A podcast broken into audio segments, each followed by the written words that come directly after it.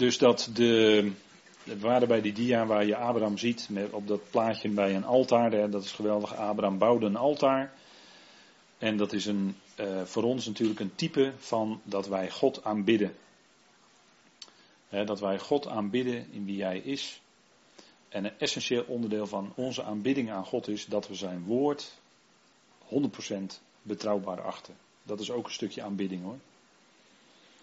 En uh, dat is wat Abraham ook deed. En daarom, omdat hij God kende in zijn heerlijkheid als de bezitter van alles, dan uh, ja, daarmee, uh, daarom bouwde Abraham altaren. En uh, dankte hij God.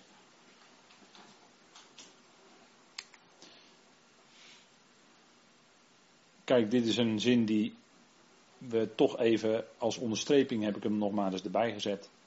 Deze dia zat ook in de vorige serie. Maar rechtvaardiging door geloof is de basis van het evangelie van de vooruit.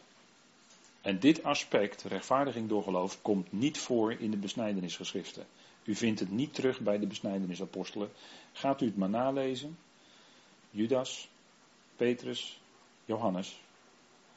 U zult daar niets terugvinden over rechtvaardiging door geloof. En dat is de basis bij ons, hè? rechtvaardiging door geloof. Dat is natuurlijk door het geloof van Jezus Christus. Of het wordt soms, het wordt geloof ik één keer genoemd het geloof van Jezus. Maar je moet altijd in de context kijken waar gaat het dan precies over. Het wordt ook genoemd het geloof van Christus. En in Galaten 2, daar zullen we nog op komen. Ook het geloof van Christus Jezus. Dat zijn allemaal verschillende uitdrukkingen. Die moet je dus allemaal uit elkaar houden. Want het heeft allemaal een specifieke betekenis. Kijk, en daarom kun je ook uh, niet zeggen dat wij gerechtvaardigd zijn door het bloed van Jezus. Nee, de schrift zegt dat wij gerechtvaardigd zijn in het bloed van Christus. Niet van Jezus, van Christus. Dat, dat is een ander aspect. En ik weet wel dat het om dezelfde persoon gaat en dat uiteindelijk op hetzelfde wordt gewezen. Dat weet ik wel, maar het heeft wel een hele specifieke betekenis waarom Paulus dat natuurlijk zo zegt. Dus Romeinen 5, hè. Thans in zijn bloed gerechtvaardigd. En dan wordt er verwezen naar Christus. Dus het is gerechtvaardigd in het bloed van Christus. En met God verzoend door de dood van zijn zoon.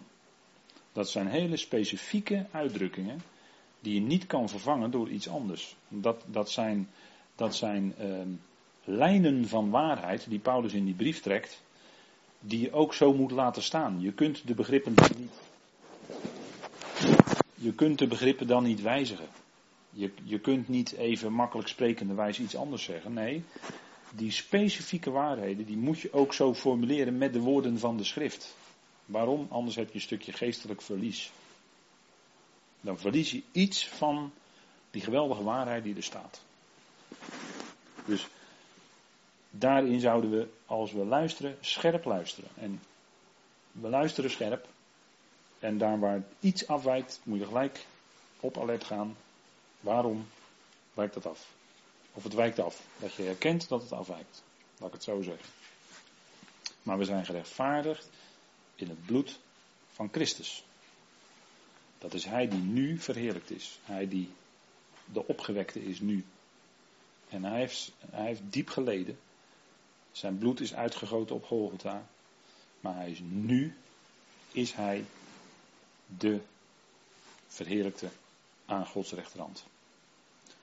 Dat zijn dingen die we goed moeten beseffen. dus de rechtvaardiging door geloof, geloof van Jezus Christus. En het is ook, Paulus noemt het ook, gerechtvaardigd in zijn genade. Gerechtvaardigd om niet. Gerechtvaardigd in het bloed van Christus. Dat zijn allemaal aspecten die een rol spelen bij dat geweldige centrale gegeven uit de Romeinenbrief dat wij gerechtvaardigd zijn dat is een geweldige waarheid, een fundamentele waarheid van het evangelie van de vooruit. En dat was bij Abraham, las je daar al iets van, alleen natuurlijk niet in de diepte zoals wij het nu kennen, door de Romeinenbrief, na het lijden en sterven en opstanding van onze Heer. dan, dan wordt die volle diepte van die rechtvaardiging wordt zichtbaar. Namelijk dat er geen enkele veroordeling meer mogelijk is voor de gerechtvaardigden. Helemaal niets, want alles is weggedaan. Nou, dat, dat, hè, dat is de basis van het evangelie van de vooruit. Goed beseffen. Goed. Die dingen uit elkaar kunnen houden. En kijk, de gerechtigheid bij, bij het Jodendom of bij, zoals gerechtigheid naar de werken van de mens. Eh, dan, gaat het, dan wordt het ineens heel anders hoor. Want dan gaat het om hele kleine dingen. Dan gaan we fariseïstisch uh, mee om. Uh, als het gaat om in, in een wettische situatie, dan wordt er gelet op hele kleine dingetjes. Terwijl de grote dingen die worden dan maar uh, geslikt en geaccepteerd.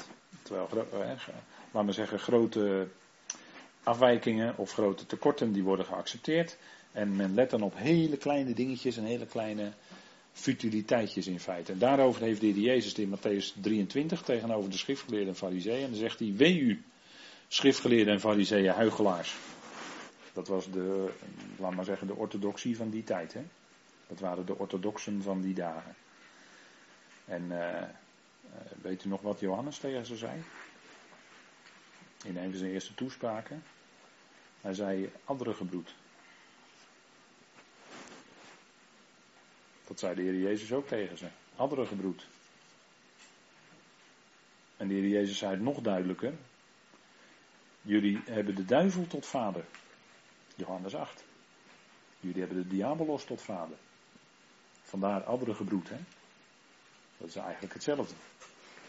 Dat zei hij tegen de orthodoxie van die dagen, die zo bezig waren met, met hun, al hun gebodjes en voorschriften. En uh, weet je wel, je, je moet vooral weten met welk been je eerst uit bed komt als je opstaat. Dat komt uit de Talmud. En wij zeggen dan sprekende wijze, ja, is zeker met verkeerde been uit bed gestapt. Maar dat komt daar vandaan, dat komt uit de Talmud. Er staat voorgeschreven met welk been je eerst uit bed moet komen. Of als je een lange broek aantrekt als man, in welke broekspijp je je eerste, je eerste uh, eerst moet doen. Je eerste been, in welke broekspijp. Bijvoorbeeld eerste rechter of eerste linker, weet ik het.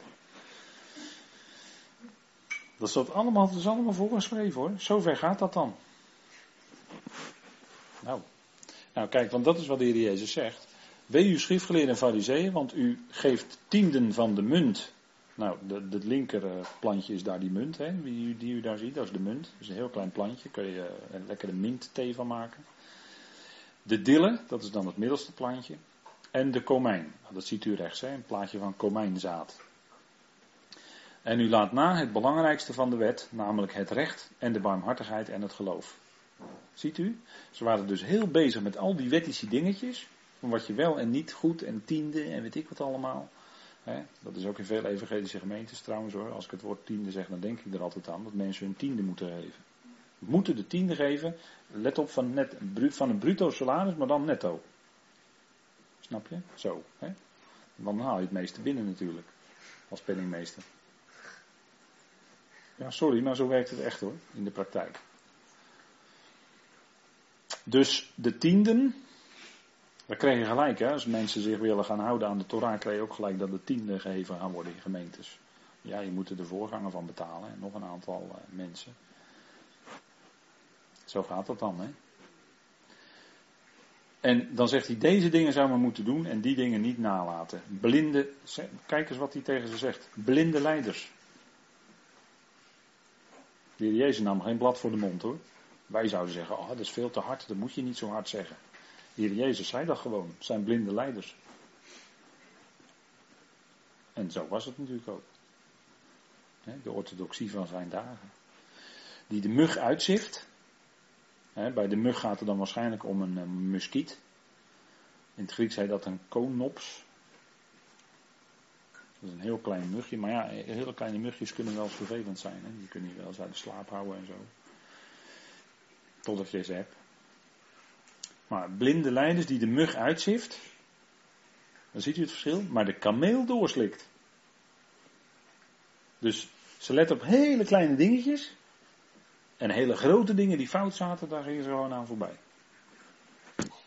Ja, zo, zo is het hoor, met, uh, met, de, met de orthodoxen. En dat is de gerechtigheid. En dan zijn ze heel erg bezig met het doen van de wet, het doen van de Torah, het doen van de Talmud. En eh, heel tijd maar daarmee bezig. En het, en het leidt gewoon van God af natuurlijk. Het leidt van de dingen waar het werkelijk om gaat, het recht, de barmhartigheid en het geloof, let op hè, het geloof. Daar leidt het vanaf. Want dat is dan geen zaak meer van geloof, maar dat is gewoon een zaak van druk bezig zijn. Je rent van hot naar her. In plaats dat je in geloof tot de werkelijke Shabbat komt, namelijk de rust van het geloof. Dan kom je echt tot rust. Hè, bij de rust van het geloof. Dan rust je in het volbrachte werk van Christus. Dat maakt een einde aan jouw eigen werken. En dan ga je ontdekken dat, dat jij je niet meer zo druk hoeft te maken, dat je niet meer zo heen en weer hoeft te rennen. En dat je niet per se in een gemeente aan alle activiteiten hoeft deel te nemen, waardoor je overspannen raakt. Heb ik ook allemaal gezien hoor in de praktijk in de loop van de jaren, heb ik allemaal gezien. Maar het gaat erom dat we leven in de rust van het geloof. Nou, dat is, dat is geweldig, hè? want dan laat je het over aan God. Dat is moeilijk voor een mens vaak, om het over te laten aan God. Laat hem het nou uitwerken. We zingen dat wel. Laat hem besturen, waken, het is wijsheid wat hij doet. Dat zingen we wel. Ik hoop van harte. Maar in de praktijk leven we ook zo. Het is niet onverschillig leven. Maar laat hem besturen, waken. Jij bidt ervoor. En ga jij nou kijken hoe God het uitwerkt. Met je familielid. Met je kind. Met je, weet wie. Met je collega. Met je, wat hem besturen waken. Het is wijsheid wat hij doet.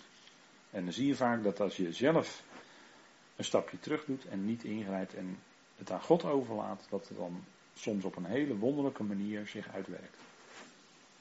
En dan zeg ik echt niet mee dat al je problemen gelijk verdwijnen. Misschien worden je problemen wel groter, dat weet ik niet. Maar laat hem besturen waken. Dat blijft wel staan dan. Dat is dan woorden uit een lied, sorry. Dat is dan niet de schrift, maar dat is natuurlijk wel geweldig. Hè? Dat hij alles in zijn hand heeft. En dat hij werkelijk alles bewerkt in overeenstemming met de raad van zijn wil. Dat, zegt, dat staat wel in de schrift, in Efeze. Zo is het wel.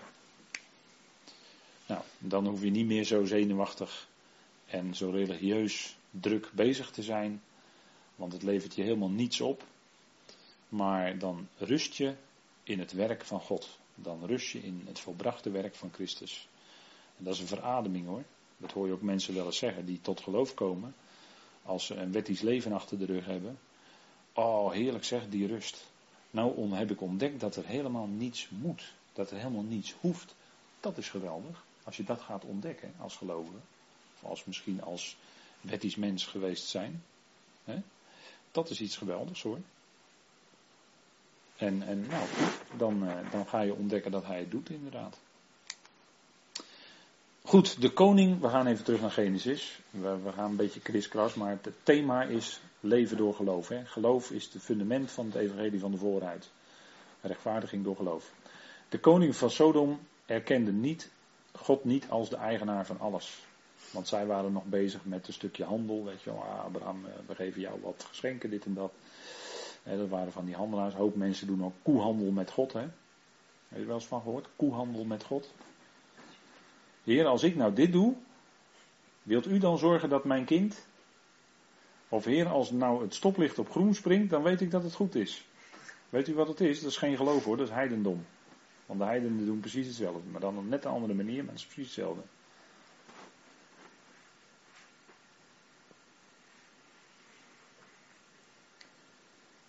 Maar zo, zo werkt het natuurlijk helemaal niet. Hè. Zo kan je niet leven. En er zijn mensen, en ik weet wel dat het vaak in evangelische kringen gaat het heel oprecht door. Dan zoekt men naar de wil van de Heer voor het leven. Men zoekt er naar de wil van de Heer. Wat is nou de wil van de Heer voor mijn leven? En als jonge mensen zijn, dan willen ze graag een levenspartner vinden. Dat is allemaal heel eerlijk, want dat is normaal dat je dat zoekt. Maar als je dan gaat zoeken in, nou Heer, als u nou, uh, mijn, eh, dan ga ik mijn Bijbel open laten vallen. En als ik nou een tekst lees met dat erin, dan weet ik dat die en die goed voor mij is als levenspartner. Nou, zo werkt het ook niet hoor. Dat is heidendom. Maar het gaat erom elkaar leren kennen.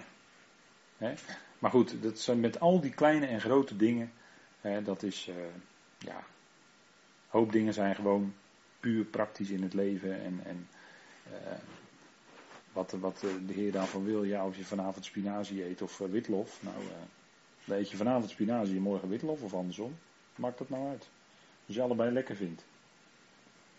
Maak je een lekker sausje erbij. Dan smaakt het goed. Prima. maar dat is niet van wat, wat zou de Heer nou willen wat ik vanavond eet. Zo niet. Nee, dat is veel te krampachtig. Maar de koningen van Sodom erkenden, dat, erkenden God niet als de eigenaar van alles. En dan zegt de Heer tegen, uh, tegen ons, door Paulus. Maar, o mens, wie ben jij? Wie ben jij toch dat je God tegenspreekt? Als God het nou zo doet in jouw leven, zal ook het maaksel tegen de maker zeggen: Waarom hebt u mij zo gemaakt? Jij bent gemaakt zoals jij bent. En God heeft jou zo bedoeld zoals jij bent. En je hoeft het niet zelf te doen, maar God is heel dichtbij je en geeft je alles wat nodig is. En dan kun je gewoon zijn wie jij zelf bent. God heeft jou bedoeld, God heeft jou gemaakt, God heeft je lief. Hij heeft je bedoeld in zijn plan, nu op dit moment. Dat je deze dingen ook kan horen en geloven. Nou, dat is toch fantastisch. Maar wij zijn vaak zo ontevreden als mensen. En dat is ook die vragen stellen die Paulus dan opvoert in uh, Romeinen 9.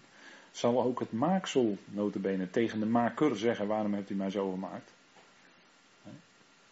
Stel je voor dat, dat, dat eh, de potten in de kast, hè, die door de pottenbakker gemaakt zijn, dat, die, eh, dat ze vanuit die kast gingen roepen tegen die pottenbakker van joh, waarom heb je ons nou zo gemaakt? We willen liever anders zijn. Stel je voor. Toch van de zotte. Maar het is precies andersom. Kijk, of heeft de pottenbakker geen macht over het leem om uit diezelfde klomp het ene voorwerp tot eervol en het andere tot oneervol te maken? Kijk, dat eervolle, daar hebben we geen moeite mee. Want wij zijn bedoeld in Gods plan, instrumenten tot zijn eer. Maar nu dat oneervolle vat, dat oneervolle instrument, daar hebben wij moeite mee. Dat God dat ook, dat ook die in zijn plan bedoelt. Hè? Diegenen die niet tot eer van hem zijn. Maar hij zegt dat toch hier. Heeft de pottenbakker niet de beschikking over dat leen om een voorwerp tot eervol en tot oneervol? Als God het nou zo inricht. Waarom kunnen we dat dan niet accepteren in geloof? Omdat het ons dwars zit? Ja, dat zal wel, ja. Anders ga je die vragen niet stellen aan God, dan zit het je dwars. Maar besef, dat, besef dat Hij dat doet. En dat Hij liefde is en altijd blijft. En dat Hij dat doet met een reden. Juist ook die instrumenten die tot oneervol gebruikt zijn. Dat stond toch ook al in spreuken? God heeft alles gemaakt voor zijn tijd, zelfs de goddeloze voor de dag van het gericht. Zegt spreuk al. Dat wist Salomo.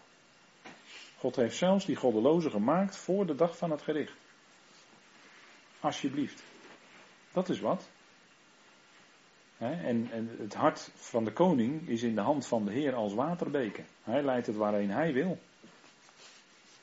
Hij kan dat hart zo sturen zoals hij wil hoor. En zolang een president aan moet blijven, blijft hij zitten waar hij zit. En als God het hart gaat veranderen, als God het hart gaat sturen, gaat hij weg. Of God stuurt omstandigheden waardoor hij weg moet. Maar uiteindelijk is het natuurlijk God die dat alles uitwerkt. En, en dat is altijd het moeilijke van ons mensen. Omdat we graag zelf touwtjes in handen willen hebben. We willen het graag zelf regelen. We willen het graag zelf naar ons hand zetten. Daar is een heel vervelend woord voor. Maar we willen het graag zelf naar ons hand zetten. Ja. En dan gaan we ontdekken gaandeweg dat, het, dat alles naar Gods hand gezet wordt. Ja, en dat doet wel eens pijn in ons leven. Want zo'n pot die moet ook wel eens in de oven, dan moet die harden. En in de oven kan het heet zijn. Lijden en verdrukkingen is dat, hè? dat is een type van lijden en verdrukkingen. Haal ik ook uit de Bijbel hoor, dit beeld. Dat is Israël. Die moest in de hete oven van Egypte. Staat er, hè? De hete oven van Egypte moest Israël doorheen. Nou, zo moeten potten die door de pottenbakker gemaakt worden, en kruiken, die moeten ook soms in de oven staan, de hitte. De hitte van de strijd van het leven. Ga je doorheen, maar je gaat niet alleen. Dat wist koningin Wilhelmina ook hoor, die schreef een dagboek, eenzaam, maar niet alleen. Want ze wist dat God met haar was. En ze, ze, ze verwachten het ook van God. Hè? Koningin Wilhelmina, kan je er nog wat dat betreft wat van leren. Nou, en, en zo is het steeds, hè. Het is die grote God, die zijn zoon heeft gegeven voor ons allen, die met ons leven betrokken is en inderdaad, uiteindelijk zelfs ook de kleinere dingen in ons leven, ja, uiteindelijk zet hij dat allemaal op zijn plek. maar uh, wij, wij, uh, waarom heeft u mij zo gemaakt? Daarachter zit ook die vraag van waarom doet u het zo in mijn leven? Waarom doet u het zo in mijn leven? Ja, de eerste, eerste opmerking is dan toch, ja, omdat God God is. En wij zijn mensen. Dat is een, dat is een verschil. En hij werkt het er zo uit in ons leven. En die weg is niet makkelijk. Die weg is vaak moeilijk. Die weg is met tranen. Die weg is door lijden heen. Dat is allemaal helemaal niet makkelijk. Maar uiteindelijk de uitkomst is altijd heerlijkheid. Hè? Dat is die grote verwachting die we hebben. Het is altijd doorlijden tot heerlijkheid. Dat is een vast principe in Gods plan. Lijden is beperkt en de heerlijkheid niet. Het lijden is beperkt. Het duurt, het kan soms jaren duren en dat, is, dat zijn, kunnen hele moeilijke jaren zijn. Daar, wil ik echt niet, uh, niet uh, klein over doen. Maar de heerlijkheid die komt, zegt Paulus, is alles overstijgend. Hè? Je moet het in het perspectief zien zoals Paulus dat in zijn brieven ook schrijft. Het is een kort, hij zegt het is een kort ogenblik van lijden. Dat zegt Paulus zelf, die veel geleden heeft. Hij zegt maar het eonische gewicht aan heerlijkheid is overstijgend, overstijgend. Zo zegt hij het eigenlijk. Hij gebruikt twee keer dat woord overstijgend, achter elkaar dan. Als het om die heerlijkheid gaat. Nou, dus het gaat door lijden heen. Maar wat zullen wij versteld staan van die enorme heerlijkheid die gaat komen. Dat is veel meer dan wij nu kunnen bedenken. Dan wij nu kunnen beseffen. Maar die heerlijkheid, die gaat echt komen. Dat zijn heelloze beloftes natuurlijk. Die heerlijkheid gaat echt wel komen. Reken maar. Nou, kijk, wat is nou dat geloof van Abraham? Dat wil ik u dan nog graag meegeven. In Genesis 15, leest u dat stukje maar eens door. Genesis 15, vers 1 tot en met 6. Wat, wat daar gebeurt is alleen dat God spreekt. Abraham krijgt op dat moment nog geen zoon. Hij krijgt alleen de belofte. Er wordt zelfs geen tijd vermeld. Van je krijgt over tien jaar een zoon of over een jaar een zoon of wat dan ook. Wordt niet vermeld.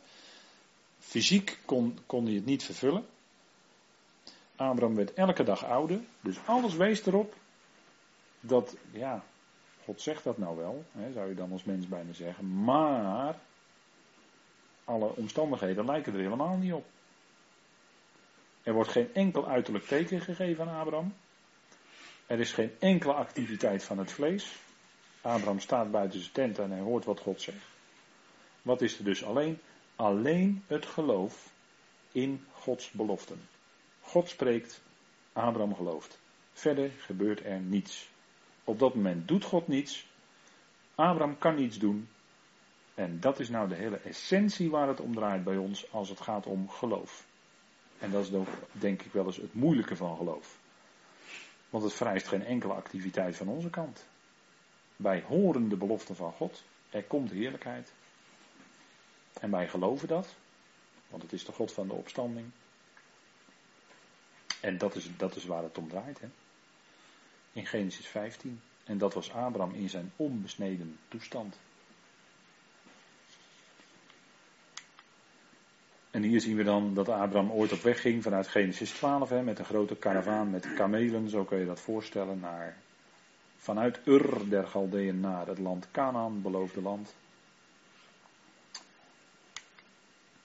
En dan nog even Genesis 15, hè, nog even verder onderstrepen. God, wie zien we daar? God en Abraham. God doet niets, hij zegt alleen iets van een belofte. Hij, zegt alleen, hij spreekt alleen wat woorden uit, een belofte. Maar God doet daar verder niets. Abraham doet niets. Hij hoort alleen en gelooft. Dus we zien hier de totale afwezigheid van werken. Dat is wonderlijk, hè, zo'n stukje dan, Genesis 15.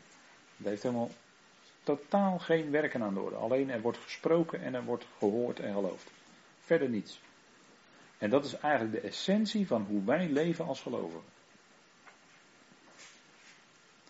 En Wij wandelen dus door geloof en niet door aanschouwen. En pas, en God wacht gewoon, God wacht gewoon ook vaak in ons leven, tot wij zelf niet meer in staat zijn om de dingen te regelen en te kunnen sturen. En als we ons dan overgeven aan God en zeggen, Heer doet u het maar in mijn leven, of doet u het maar in het leven van X of Y, of uh, wie u dan ook maar. Dan zul je zien, gaat God aan het werk. En zo was het ook in het leven van Abraham. Dat zijn schriftuurlijke principes. Pas toen Abraham niet meer in staat was, naar de mens gesproken, om nog nageslacht te verwekken. Toen ging God zeggen, over een jaar zal je een zoon hebben Abraham. Toen was hij 99 jaar oud. Alsjeblieft. Toen pas. En toen was dus het menselijke onvermogen aan de orde. En Sari was 90 en die kon naar de mens gesproken ook geen kind meer krijgen. En toen zei God, over een jaar zullen een zoon hebben. En ze lachten er allebei om. En daarom heette die Isaac. En toen betoonde God zich als El Shaddai. Hè? Mooi lied is dat, El Shaddai. Maar hij betoont zich als, de betekenis is heel geweldig. Hij betoonde zich als God de algenoegzame. Dat wil zeggen, hij die alles bewerkt. Abraham en Sarah waren niet meer in staat. En toen ging God het doen. En zo is het ook in ons leven. Hè? Als wij niet meer in staat zijn, dan gaat God het doen. Dat is het einde van het vlees, namelijk. Nou, dat is uh, Abraham, hè, die werd daardoor lotgenieter van de wereld. Lees nog maar eens na in Romeinen 4. Daar gaat het niet om werken, maar het gaat om geloof.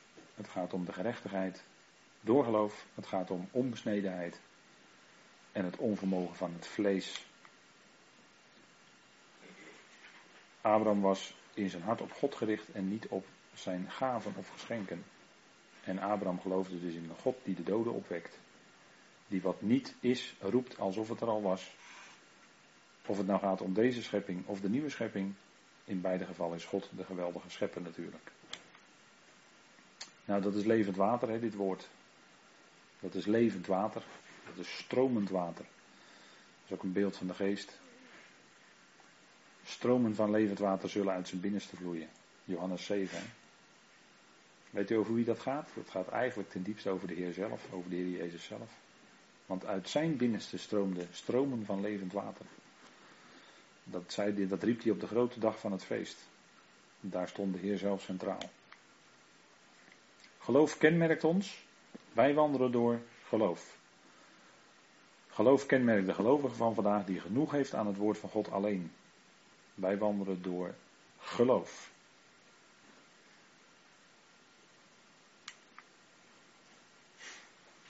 U ziet de wijnstok, een beeld van alle beloften aan Abraham gegeven. De Heer is zelf de ware wijnstok. Hè? Alle beloften zijn in hem ja en amen. Goed, en met deze vogels, beeld van vogels, eigenlijk ook een beeld van de gelovige. Hè? Zo vrij als een vogel. Niet langer op aarde, maar in feite al in de hemelen. Daar vliegen ook die vogels, die vliegen ook in de hemel. En daarom is een vogel eigenlijk ook een mooi beeld van een gelovige. Is eigenlijk al los van de aarde, vrij in Christus, niet meer gebonden. En kan vliegen en leven uit die belofte die God geeft. Goed, tot zover.